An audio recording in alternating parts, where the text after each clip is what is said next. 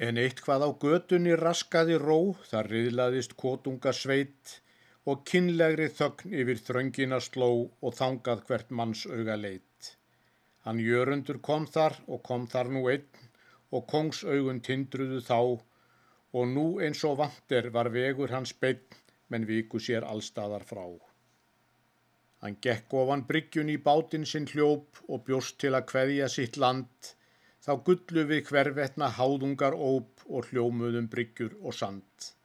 Hann benti með hendin og heimtaði ró, þá hljónaði þyrpingin öll, menn sá hann var reyður en rólegur þó og röstin var einörð og snjöll. Já, hrópaðu Ísland svo hátt sem þú vilt, því hér er nú lítið um vörn, ég orkaði fáu og öll er því spilt, því ennáttu þreg lítil börn en það skal mér huggun um ókomin ár ef einhver á manns blóð og þór og þykjónum smánin og svipólin sár þá sér hann hvar líkja mín spór. Þó skipt sé nú hamingi og hlutur minn smár þá held ég samt gladur frá strönd því þjóð sem var fangin um 500 ár úr fjödrunum leisti mín hönd.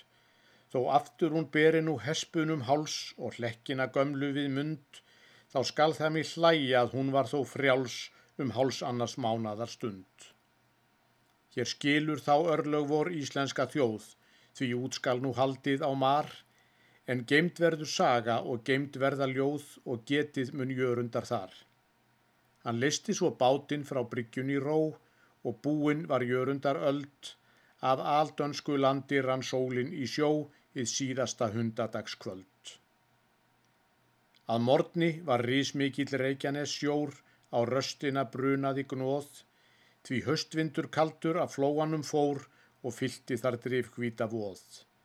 Hann jörundur undi við indæla sjón, hinn ónumda víðlenda sæ, en hröfnunum dönsku var fríð helgað frón til flugu þar aftur á hræ.